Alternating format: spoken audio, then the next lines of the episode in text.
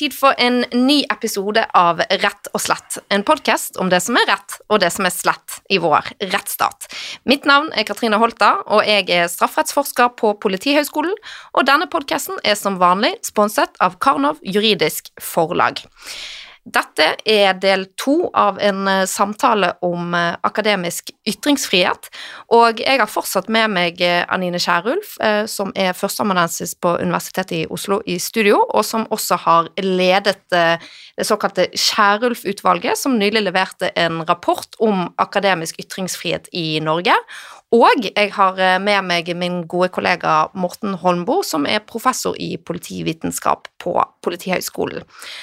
Og eh, vi kan egentlig bare hoppe rett inn igjen der vi sluttet sist, eh, og eh, snakke litt nå om, om, forholdet Altså det som jeg har lyst til å gå litt inn på, er forholdet mellom akademisk frihet, akademisk ytringsfrihet, og ytringsfrihet. For dette er jo på en måte tre ulike begreper, og man kan legge litt forskjellige ting i det. Uh, og dere har jo i utvalget gått inn og og gitt en definisjon eller valgt en måte å forstå disse begrepene på.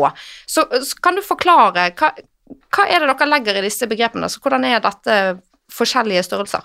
Ja, det var bra du sa det med ikke bare definert, men også forklart hvordan vi forstår det. For det er i grunnen det siste vi har prøvd å gjøre. Når mandatet spør, ber oss om å utrede akademisk ytringsfrihet, og det ikke har noen klar definisjon på forhånd, så må vi jo prøve å forholde oss til det begrepet på en eller annen måte. Hva, hvilke dyr er det? Og det er et dyr som ligger, som du sier, et sted mellom akademisk frihet og ytringsfrihet. Hvis vi tar den akademiske friheten først, så har jo den grovt og upresist to hovedbestanddeler, nemlig den institusjonelle friheten og den individuelle friheten. Den institusjonelle handler om at institusjonene ikke kan overstyres politisk, mens den individuelle den handler om at forskerne selv ikke kan overstyres verken av institusjonen eller politikerne eller andre. De står fritt til å velge sin, sine forskningsspørsmål, sin metode, og legge opp sin undervisning og sin formidling som de vil. Og vi har tenkt at vi er i den individuelle delen av den akademiske friheten fordi mandatet spør oss om eh, ansattes akademiske ytringsfrihet. Ytringsfriheten, for å ta det andre eh, begrepet, det er jo en rettslig størrelse som er beskyttet i Grunnloven, menneskerettighetskonvensjoner og andre steder. Den eh, går ut på at enhver har rett til å ytre seg om det de vil, eh, og ta til seg den informasjonen som de vil, altså ytrings- og informasjonsfrihet. Det som kjennetegner den rettslige ytringsfriheten, det er at den tilkommer alle, eh, og at den er helt fri innenfor noen rettslige grenser mot trusler, hatefulle ytringer og andre ting og at den ikke stiller noe kvalitetskrav. Uansett hvor dumt og sjokkerende og rart og håpløst og mindboggling det folk sier er, eh, så er det beskyttet av ytringsfriheten. Eh, hvis det ikke da er ulovlig. Og spørsmålet er om, det er ulovlig, det håndheves av eh, domstolene. Den akademiske ytringsfriheten har vi tenkt som en slags funksjonell delstørrelse i midten der, og det jeg allerede fått kjeft av en filosofiprofessor på, for å bruke den måten å nærme oss dette på, men, men det var sånn vi klarte å løse det. Og det vi har tenkt da, det er at ja, det handler om den individuelle delen av den akademiske friheten, som jeg sa. Og så har den, i forhold til den vanlige eller klassiske rettslige ytringsfriheten, så har den egentlig en kvalifikasjon. Den stiller noen kvalitetskrav. Du kommer ikke på trykk i nivå én eller to tidsskrifter hvis ikke det er ganske bra faglig innhold i det du skriver. Eh, og det, det kvalitetskravet, det stilles både til innholdet og til formen. Hvis du ikke gidder å kildehenvise og bare driver med personangrep og ikke argumenterer saklig, så kommer du heller ikke på trykk. Og det gjelder jo forskningspublikasjoner, men det bør egentlig kjennetegne den akademiske friheten helt generelt, at man har et visst saklighetsnivå, for det er bare med et visst saklighetsnivå og et visst faglig innhold at man egentlig kan bidra til det som er akademias øh, øh, mål, nemlig sannhetssøken.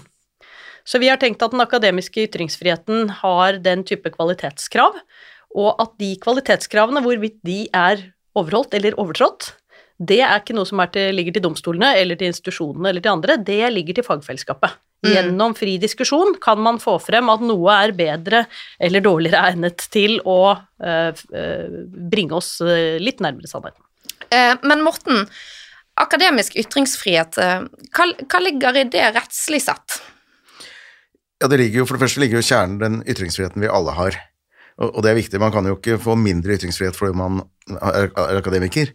Sånn at i den grad den skiller seg fra den ordinære ytringsfriheten, så ligger det kanskje Jeg vil si at uh, ytringsfrihet er jo Du kan enten tenke på hva er lurt, og, eller du kan tenke på hva er lov. Hvis du tenker på hva er lov, så betyr det jo at en, uh, akadem, en akademisk ansatt har nok enda større grad enn en uh, ansatt et annet sted lov til å ytre seg på egne vegne, men selv men også oppi hvor man arbeider.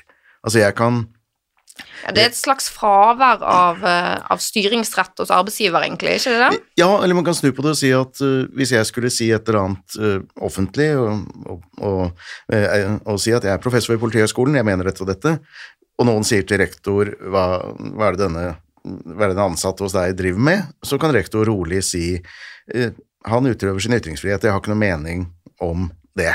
Det er i altså, grunnen akkurat sånn det skal være for akademikere. De faktisk. representerer ikke sin institusjon, de representerer seg selv som forskere. Nei, og har man da en, på en måte, Er det egentlig et arbeidsrettslig begrep, på en måte, akademisk ytringsfrihet? Ligger det noe i det som er annerledes for en ansatt forsker enn for en som jobber i en eh, etat, f.eks., for i forvaltningen? Ja, nå er det jo viktig å huske på at, uh, at både offentlige og private ansatte ellers også har en veldig vid ytringsfrihet, også med å opplyse hvor de jobber, så lenge de ikke gir inntrykk av å representere arbeidsgiveren. Det er nok kanskje i noen hierarkiske systemer litt Jo høyere du opp, det er f.eks. opp i et departement, jo mindre kanskje har du lov kan du si at uh, Jeg sa, prøvde å fortelle statsråden at dette var løsning A var den beste, men uh, statsråden ville absolutt ha løsning B. Det kan, men, mens, men, også, men, det er viktig å huske på at også både private og offentlige ansatte har en kanskje videre ytringsfrihet enn mange tror så lenge man ikke seiler under falskt flagg. Altså Hvis jeg sier Politihøgskolen mener ditt og datt, så kan jeg åpenbart ikke det så lenge jeg ikke er bemyndiget til det av rektor. Og samme måte hvis jeg da var statsadvokat, hvis jeg da sa påtalemyndigheten mener det og det, altså, eller altså generelt, det kunne jeg jo ikke si. Bortsett fra hvis jeg skulle i skranken, da, for da representerte jeg påtalemyndigheten. Men, eh, men, jeg kunne jo som statsadvokat skrive at uh, jeg er helt uenig med Riksadvokaten i dette. Altså ytring, sånn. Og så kunne man være enig eller uenig med meg. Så, så, jeg, så, jeg, er ikke sikker på om forskjellen er sånn kjempestor hvis det kommer til de rettslige liksom, om, om, det finnes så veldig mange saker hvor det er helt avgjørende at, at uh, statsansatt eller privatansatt person, Martin Kirkerud, sier det, og det var ikke lov, men professor det kan si det. Jeg er ikke sikker på om det er så veldig mange tilfeller hvor det egentlig blir satt på spissen rettslig sett, rett og slett. Noen ganger så, så kan man Det er jo det som Morten sier, ikke sant, at alle har ytringsfrihet, også akademikere. Og så er hva i all verden er den akademiske ytringsfriheten oppi dette her? Um, og, den kan da stille noen kvalitetskrav, som vi var innom. Men det vil jo være sånn at um, de kvalitetskravene gjør ikke at du har mindre rett til å si noe som akademiker ja, enn ellers. Eh, man kan nesten høre sånn ut, da, at det er en slags ja, er, begrensning av ytringsfriheten når man snakker om de kvalitetskravene. Det er ikke en begrensning, det er en, det er en muliggjøring. Eh, det er en rekke grenser for ytringsfriheten som egentlig muliggjør utøvelse av ytringsfriheten. Hvis vi hopper ut i den ordinære ytringsfriheten igjen og setter parentes om akademia et øyeblikk, så vil den bestemmelsen som forbyr trusler, den vil være helt avgjørende for eh, at ytringsfriheten kan utøves i praksis. Hvis du kan true dine medborgere til taushet, så kan du avskaffe deres ytringsfrihet veldig effektivt hvis du ikke har et forbud mot trusler som håndheves av voldsmonopolet. Så det er en rekke begrensninger på ytringsfriheten som er forutsetninger for ytringsfriheten. Og, og hvis vi tenker at begrunnelsene for ytringsfriheten er eh, iallfall tredelt, da, det er sannhetssøken, demokrati og individets frie meningsdannelse, som, som det står i Grunnloven § 100, Eh, så er, gjelder alle de for så vidt også den akademiske ytringsfrihet, men da er det særlig sannhetssøken-begrunnelsen vi er på. Og hvordan kan vi sikre god sannhetssøken? Jo, det er ikke gjennom friest mulig ytringer, det. Nei, det er gjennom ytringer som er kvalitetssikret som er forsket på, som har eh, et eh, vitenskapelig, kunnskapsbasert eller empirisk eller en eller annen måte grunnlag som du kan vise til, og som du kan åpne opp transparent og la dine kollegaer ettergå. Hvis vi ikke har de kvalitetskravene til eh, ytringer i akademia, så blir det dårlig sannhetssøken. Mm. Hvis jeg får tilføye, så er jeg helt enig i dette, men og, og jeg både, eh, Vi har begge to Anine, skrevet artikler med tittelen 'En åpen og opplyst offentlig samtale'. Det er så gøy at vi møttes der òg. ja, rett og slett. Og, og, og, det er noe med at eh, Og dette står i Grunnloven, og, det er veldig viktig at både Og det er viktig også at det er ikke bare akademikere som kan bidra, alle kan bidra veldig, så vi fokuserer jo akkurat nå på dette, ikke for å si at vi er de eneste som kan det, men det er noen særlige spørsmål som oppstår. Men den offentlige samtalen foregår hele tiden. Det, det, vet vi jo, bare ved å følge med på forskjellige sosiale medier. Og, men det som er et særlig ansvar når man da uttaler seg, er jo å gjøre den offentlige samtalen opplyst. Altså det å bidra der, og jeg var litt til sted inne på da, da, da jeg sa dette med Det er ikke så mange saker hvor du på en måte har lov til noe fordi du er professor kontra å være ansatt et annet sted. Men man kan snu på det og si at uh, det som i hvert fall er viktig, er jo at man nettopp uh, oppmuntrer til bruken av ytringsfriheten. Altså, uh, og, og, og, og, på ikke minst i akademia, at man da oppmuntrer Ikke bare sier du får ikke noe kjeft for å gjøre dette, men man sier hvordan kan vi legge til rette så du bruker den ytringsfriheten. Ja, for det er det jo uh, veldig stort fokus på når det gjelder undervisning og forskning, men ikke så mye når det gjelder formidling. Du får veldig sjelden den derre Du, så flott at du mener noe som går på tvers av det hegemoniske synet i vårt fag. Det var strålende at du gikk ut og gjør det. Kan du gjøre litt mer? Så skal jeg prøve å oppfordre dine kolleger til å argumentere mot deg, også offentlig. Ja. Det har jeg aldri hørt. Mm. Jeg har hørt det motsatte. Ja. og, men, men, en annen ting her, da. Sant? Altså, fordi man hører jo ofte forskere sukke over at, uh, at mediene rett og slett ikke gjengir de presist nok. Uh, man kan bli feilsitert i, når man uttaler seg og driver med formidling. Jeg har opplevd det sjøl, og det er ganske behagelig. og mediene de vil naturligvis forenkle, samtidig som forskerne på en måte vil få frem hvor, komplekst noe kanskje er, da. Og, men samtidig så må jeg si at jeg har jeg har på en måte sympati for media her, for det, det, er nok ikke alle forskere som er like pedagogiske og like på en måte flinke til å si noe med enkle ord. Og den tilgjengeliggjøringen som skjer, eh, og som media driver med, den er jo på en måte helt nødvendig eh, ofte. Men er det sånn at eh, tabloidisering er et eh, problem for den akademiske ytringsfriheten? Det er jo noe av det de forskerne i disse undersøkelsene og de innspillene vi også har fått peke på, at det er veldig ubehagelig å bli feilsitert eller spisset eller uh, tabloidisert i mediene. Jeg, jeg, må si at jeg har erfaring for at journalister stort sett godtar når man får ting til gjennomlesing, at de godtar stort sett de endringene man gjør, mm. selv om man kanskje ikke sa det fullt så godt da man først snakket med dem. Uh, der merker jeg forstått at det er forskjell på å være forsker, og jeg har en fortid som uh, byråkrat, og, og det er for, veldig forskjell på at du ringes opp fordi at noen har tenkt å skrive en kritisk artikkel om den arbeidsplassen din, og du ringes opp som forsker for å fortelle hvordan ting er. Ja. Så jeg må si at det, eh, det, fungerer veldig ofte godt, men det som ofte kan glippe, er jo typisk at uh, sitatene er riktige, men overskriftene i ingressen kan bli helt feil. Og det har jeg opplevd at et, sånn ikke er et ganske viktig ord, og det er ikke alltid det kommer fram. Så, og jeg har også opplevd at eh, en avis nylig eh, intervjuet en professor om noe jeg hadde uttalt meg om for et år før, og så sammenstilte de da med de jeg hadde sagt et år før, mens jeg nå egentlig var jo enig med enig basert på sånn som situasjonen nå var med min kollega. Men da, men da var for så vidt de fair nok til å justere nettavisen litt og tok inn en kronikk og sånn. Så det tenker jeg at det er bare en sånn Og de har ringt for å skvære opp. Jeg, sånn, det er sånn som kan skje. Jeg, jeg, jeg, gikk på et medietreningskurs for mange år siden og, og, og, og trodde jo kanskje i min enfoldighet at jeg skulle lære liksom, de skulle lære oss alle knepene, men, men var, jeg ble positivt overrasket at det var veldig sånn nettopp den rede hvordan virker mediene, hvordan mm. er deadline for en journalist, altså vil dere virkelig bo i et samfunn hvor mediene ikke skriver om det dere driver med? Altså, og det var en veldig sånn fin vekker at man må nettopp prøve å se for seg hvordan det er fra den andre kanten, så jeg tenker ofte i livet så kan man løse mye ved å ta seg selv litt mindre høytidelig. Det er ikke alle mine utsagn i mediene som antagelig er sånn som jeg nødvendigvis setter glass og ramme. Eh, sånn, enten fordi jeg har hatt litt dårlig tid, eller journalisten har hatt litt dårlig tid, eller desken satt opp litt rart, men, men sånn er det nå. Og så får man heller skrive, skrive eller utdype på annen måte da, hvis det blir feil. Jeg tror det er veldig riktig, og jeg tror ikke det er det ønsker for så vidt velkommen en, en, samling av alle anekdoter innad i akademia som forklarer hvor idiotiske journalister er, for det er ganske mange morsomme eksempler på det. Eh, men det er klart at hvis det er den fortellingen som får feste seg, nemlig at eh, offentligheten er dum, og, og de som forvalter den, nemlig journalistene, også er ganske dumme, så blir den jo ikke noe bedre, og da får man jo ikke noe insentiv til å delta i det hele tatt. Jeg husker vi hadde en sånn ja, det var en av de, Da var jeg stipendiat, tror jeg selv, og skulle prøve å bidra til mer formidling på, på mitt uh, fakultet. Og da var det en av de etablerte professorene som sa at uh, det var helt umulig. Han hadde sluttet å snakke med journalister, for de stilte så dumme spørsmål. Og så sa jeg, men hva gjør du når det kommer studenter på kontoret ditt? Og det visste jeg for så vidt, for jeg hadde vært en sånn dum student som hadde stilt sånn dumt spørsmål i sin tid, og jeg ble like dårlig behandlet som de journalistene. Men i utgangspunktet så vil vi jo være ganske overbærende med studenter som stiller dumme spørsmål, og hjelpe dem til å stille de spørsmålene på en måte som får frem de svarene de egentlig er interessert i. Ikke sant? Det kan man med fordel gjøre med journalister også, og jeg har forholdt meg til journalister i ulike posisjoner i 20 år, og min erfaring er at det finnes absolutt noen dårlige journalister, men det er det klare unntaket. De som kommer med ferdige vinkler, de som egentlig bare er interessert i å fange deg, eller sånne ting, som de skrekkhistoriene du hører om, de er de absolutte unntakene. Min erfaring er sånn som Mortens også.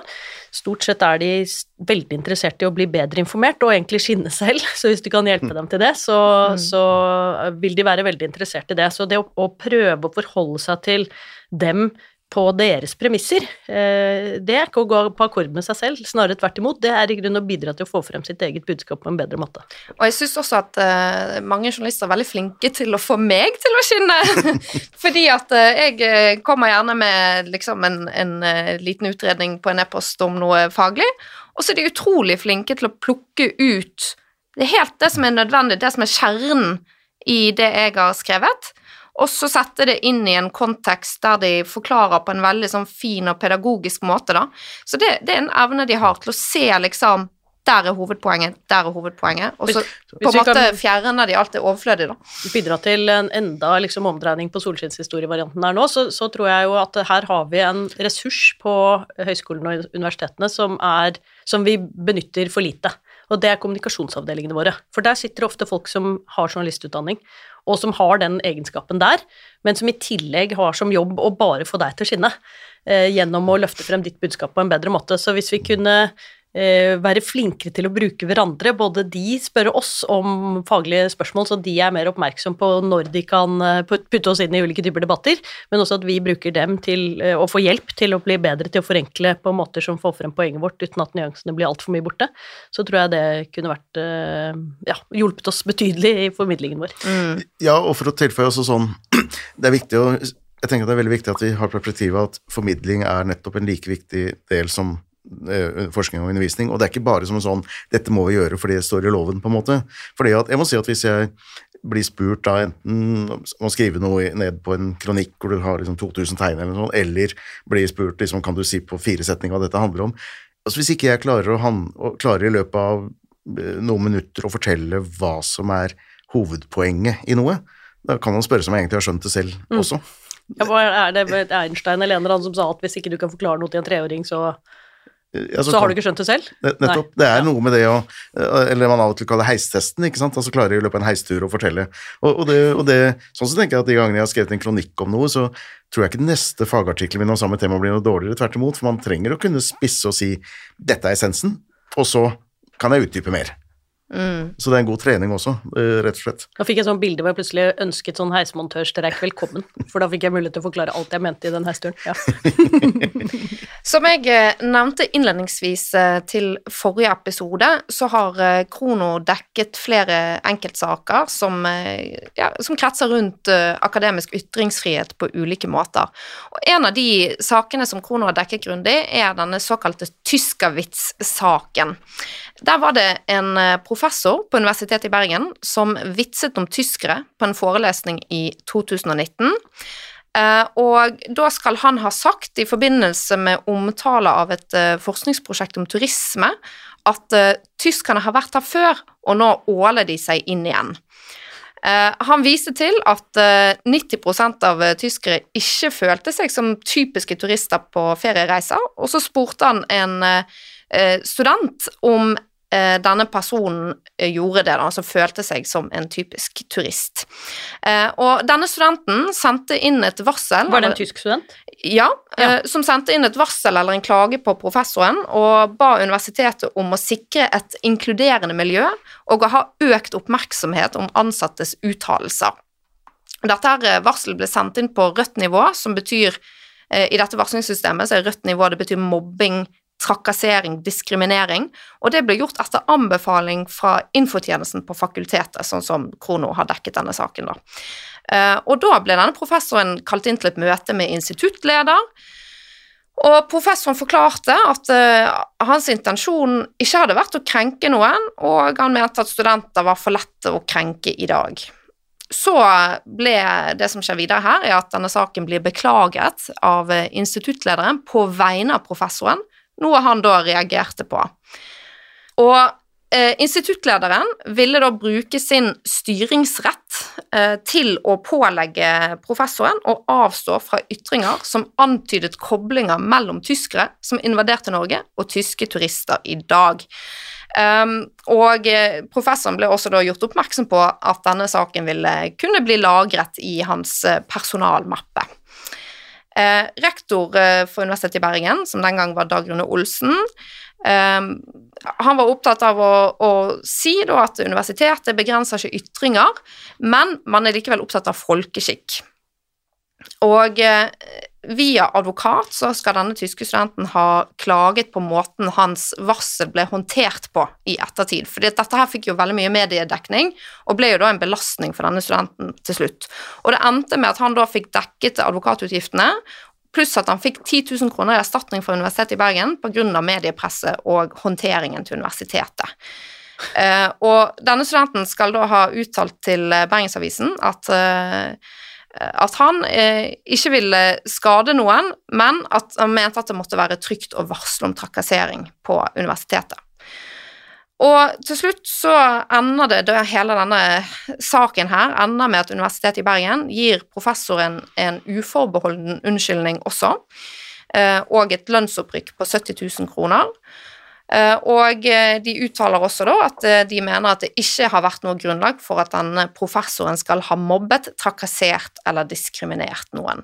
Og jeg vet at dere to ikke har vært så mye inne i denne saken før, men gitt denne oppsummeringen, altså Hva tenker dere om det?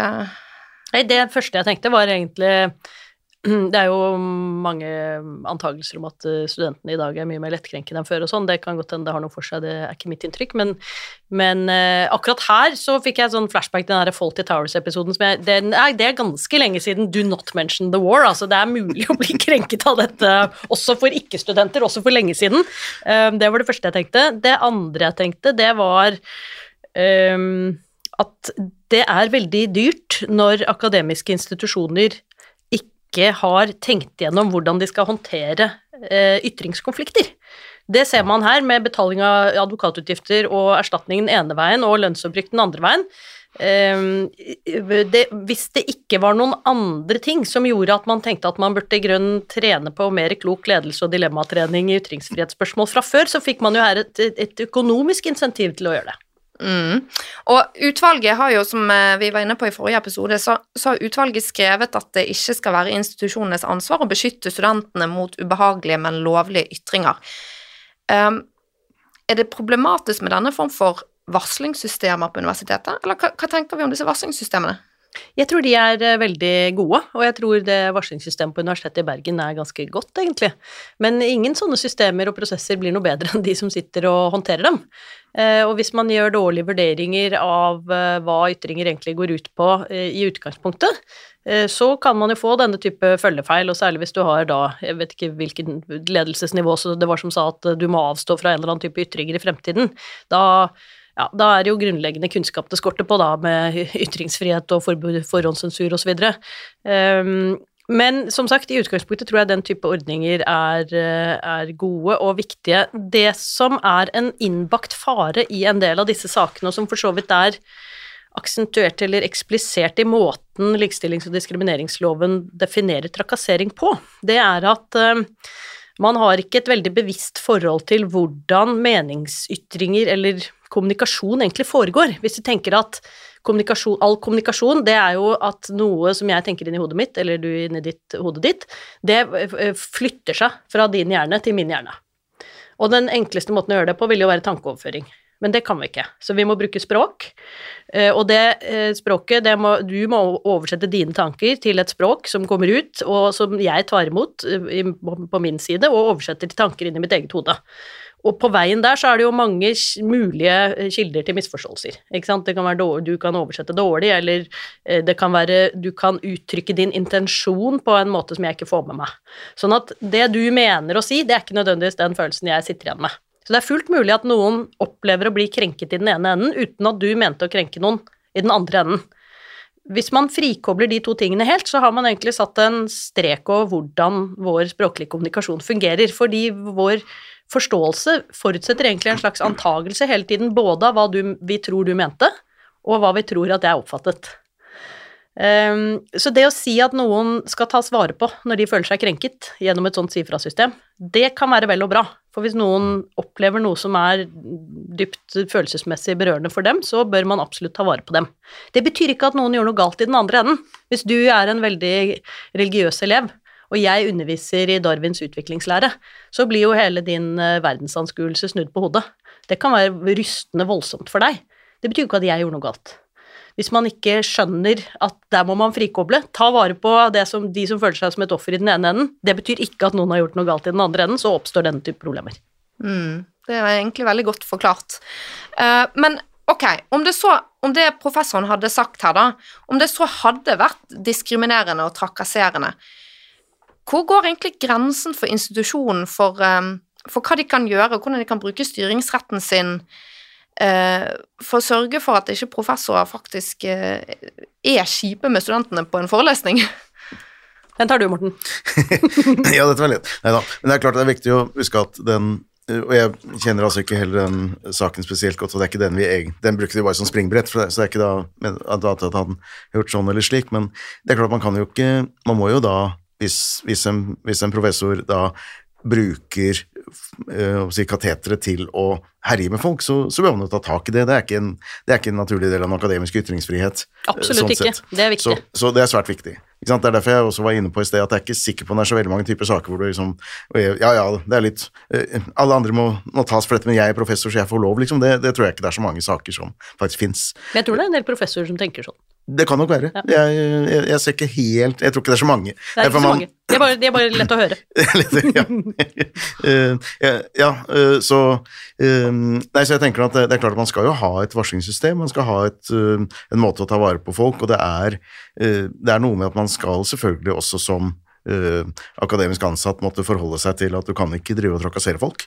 Men, men, men, igjen, som man er på at det som én oppfatter som trakassering Man må jo foreta en vurdering av om det virkelig er, rim, er rimelig, og det er og så kanskje forskjell på, som du sier, hvis du faktisk driver formidler faget ditt. Altså hvis jeg, mener, hvis jeg sier at jeg mener at menneskerettskonvensjonen tilsier at det er lov å si det og det, mm. som er veldig krenkende, og så blir noen krenket av at jeg gjentar den ytringen. Ja, eller du gjengir hva Høyesterett har sagt at er hatefulle ytringer, ja. og så blir noen veldig eh, krenket av at du bruker den hatefulle ytringen.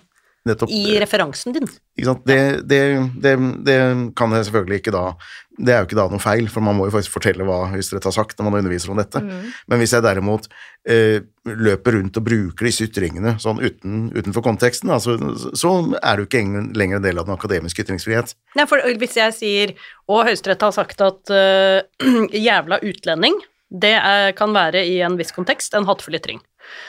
Uh, jeg uh, syns at det er en fin ytring.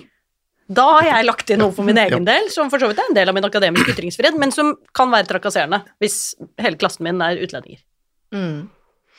Også eh, akademisk ytringsfrihet det er jo også et eh, tema her som går på politisk styring.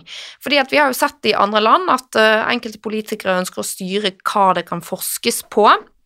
Det, det var jo dette vedtaket i det danske folketinget eh, som ble gjort, der man ville ha slutt på overdreven aktivisme i visse forskningsmiljøer. Det var vel sånn jeg tror det var formulert. Eh, og bakgrunnen for dette var at eh, det hadde vært noe forskning på migrasjonsforskning eh, som enkelte politikere mente var på en måte ja, dette er quota, infisert med venstreorientert aktivisme og pseudovitenskap. Eh, og da kom dette her vedtaket i Folketinget. Eh, Morten, hvorfor er dette problematisk, denne form for eh, politisk innblanding? Jo, for det går jo på det hele dette vi snakket om tidligere med vannrett og, og loddrett. Altså, det, da, da kommer man jo egentlig med den som sitter på pengesekken og styrer for så vidt regelverksutvikling osv., og, så og, og sier at dere må ikke gjøre akkurat sånn. Og da er det jo ikke en akademisk meningsbrytning om hva som holder og ikke holder. Det kan jo sikkert være fagmiljøer hvor det bare er lov å mene A eller B, men da må, jo svaret være at man, at man prøver å oppmuntre til at noen nettopp på faglig grunnlag sier at hvorfor er, kommer dere alltid til løsning A? Mm. Hvorfor er keiseren naken, ja? Ja, altså jeg var, var en gang en, for mange år siden i en, en, faglig sammenheng hvor jeg hadde vært med å skrive en uttalelse som veldig mange var uenig i, og jeg syntes det var fascinerende at en forening av antatt kritiske jurister var helt enige alle sammen. absolutt alle var helt enige om konklusjonen, og den var sånn. Og ikke slik jeg hadde gått inn for. Og det, det syns jeg var ganske morsomt. Men, men jeg ville jo si at om Stortinget hadde begynt å blande seg inn i om man skulle sagt det sånn eller slik, er noe helt annet. For det har med maktutøvelse å gjøre. Det er det som er problemet. Mm. Og da går du inn på, på en måte strukturene for Det har vi ikke snakket så mye om, da, vi har snakket mye om kultur her nå, eh, men eh, strukturene for den akademiske ytringsfrihet, det er jo eh, en masse ting som påvirker hvordan vi bruker ytringsfriheten vår i praksis, eller ikke bruker den. Men eh, noen rammeverk ligger, ligger, der også, nemlig altså Hvis vi går tilbake til akademisk frihet, da.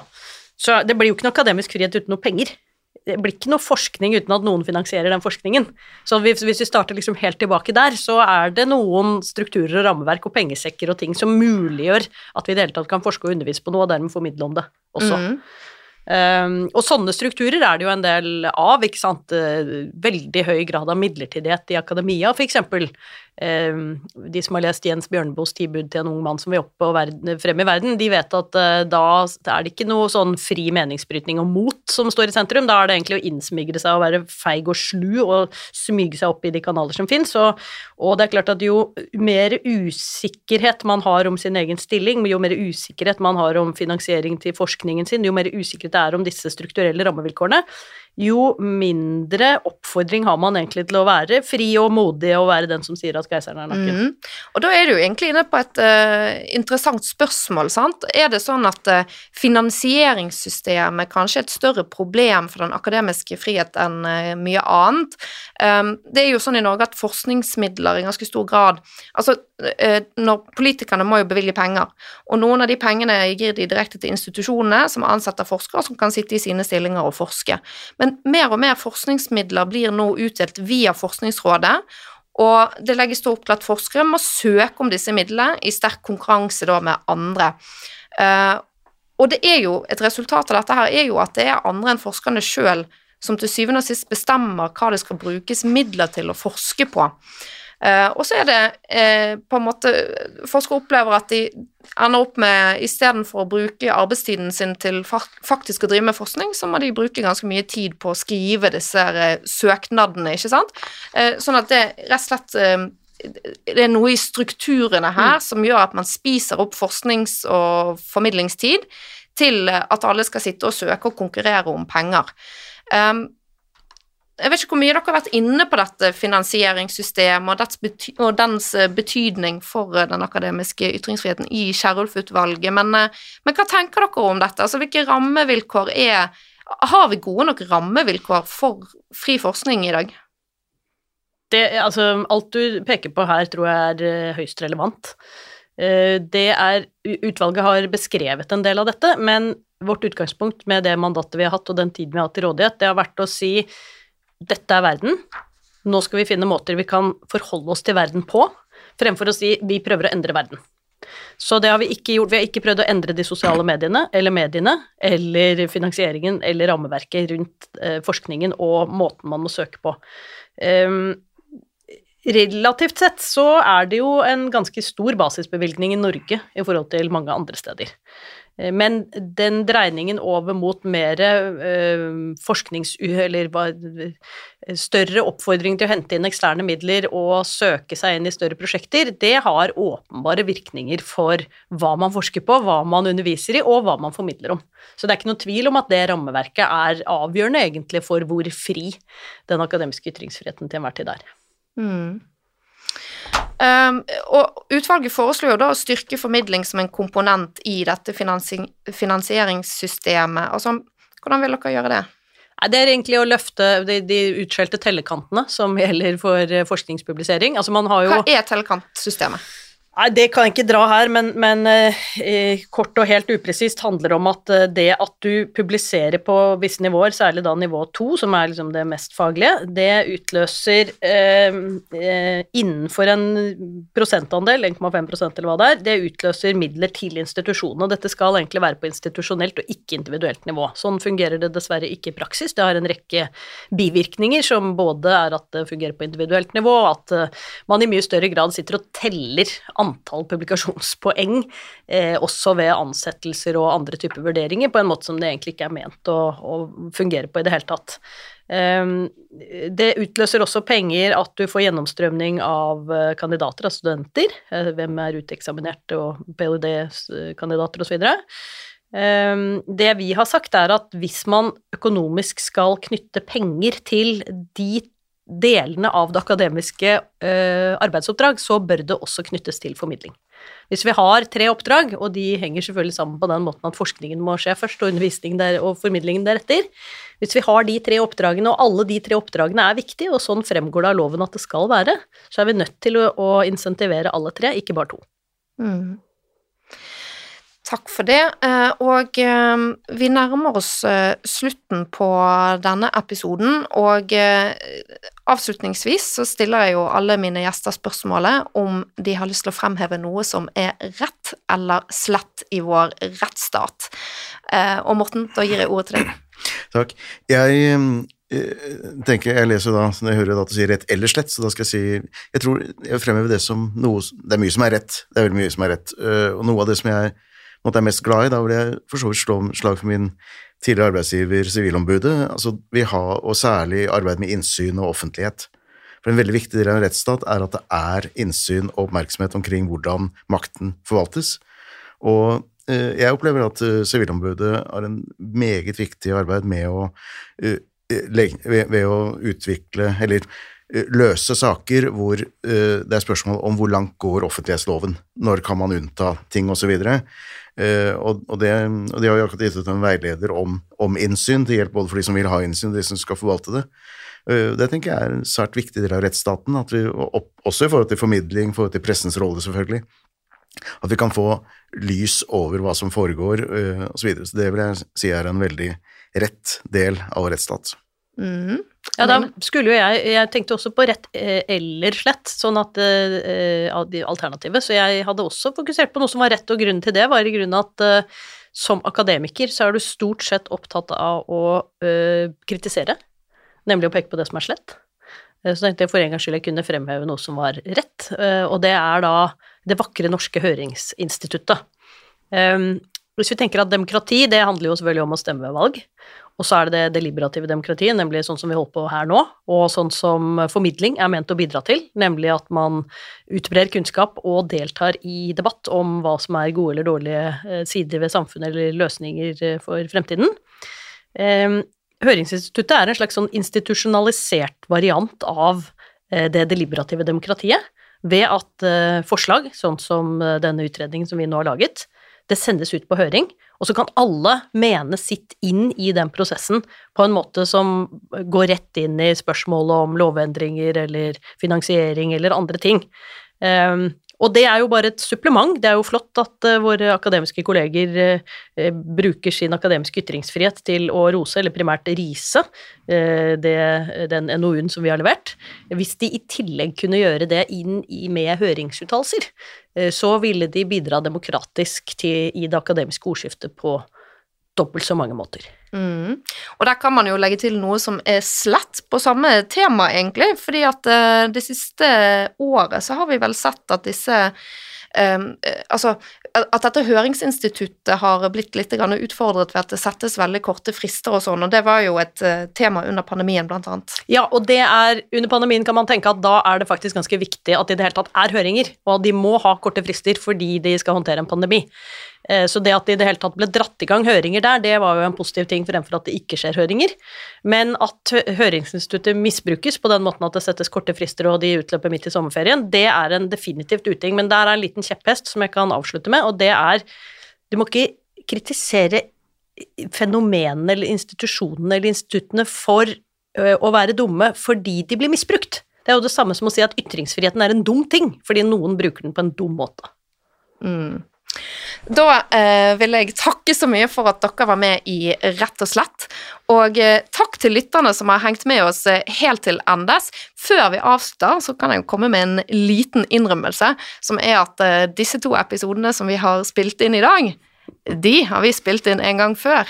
Det vil si, det trodde jeg, men jeg glemte, glemte da å trykke på record-knappen, så dette her uh, har vært en reprise. Så hvis du hører dette, så ble det bedre denne gangen. Ja, ja, ja. Og det øyeblikket jeg fikk eh, beskjed om uh, at uh, det jeg hadde og egentlig satt igjen med, var 18 minutter pausesnakk, der det aller siste jeg sier før jeg trykker av, er nå er det veldig viktig at jeg husker å trykke på record-knappen. Det hadde jo vært synd hvis jeg glemte det. Eh, det er det jeg har da, eh, fra den første runden. Og med en gang jeg fikk eh, høre det, at opptaket finnes ikke, eksisterer ikke, så tenkte jeg jo selvfølgelig at åh, et tapt kunstverk. Men jeg syns vi har klart å gjenskape magien veldig godt i dag, og tusen takk til dere for det, og som faktisk har stilt opp to ganger for å være med i Rett og slett. Så det var det denne podkasten har å by på, på det viktige temaet akademisk ytringsfrihet. Husk å følge podkasten i din podkastspiller, og fortell gjerne om podkasten til en venn, for da hjelper du meg med å nå ut til flere med det viktige rettsstatsbudskapet eh, fra, ja, fra meg og fra mine gjester. Tusen takk for i dag. Vi høres.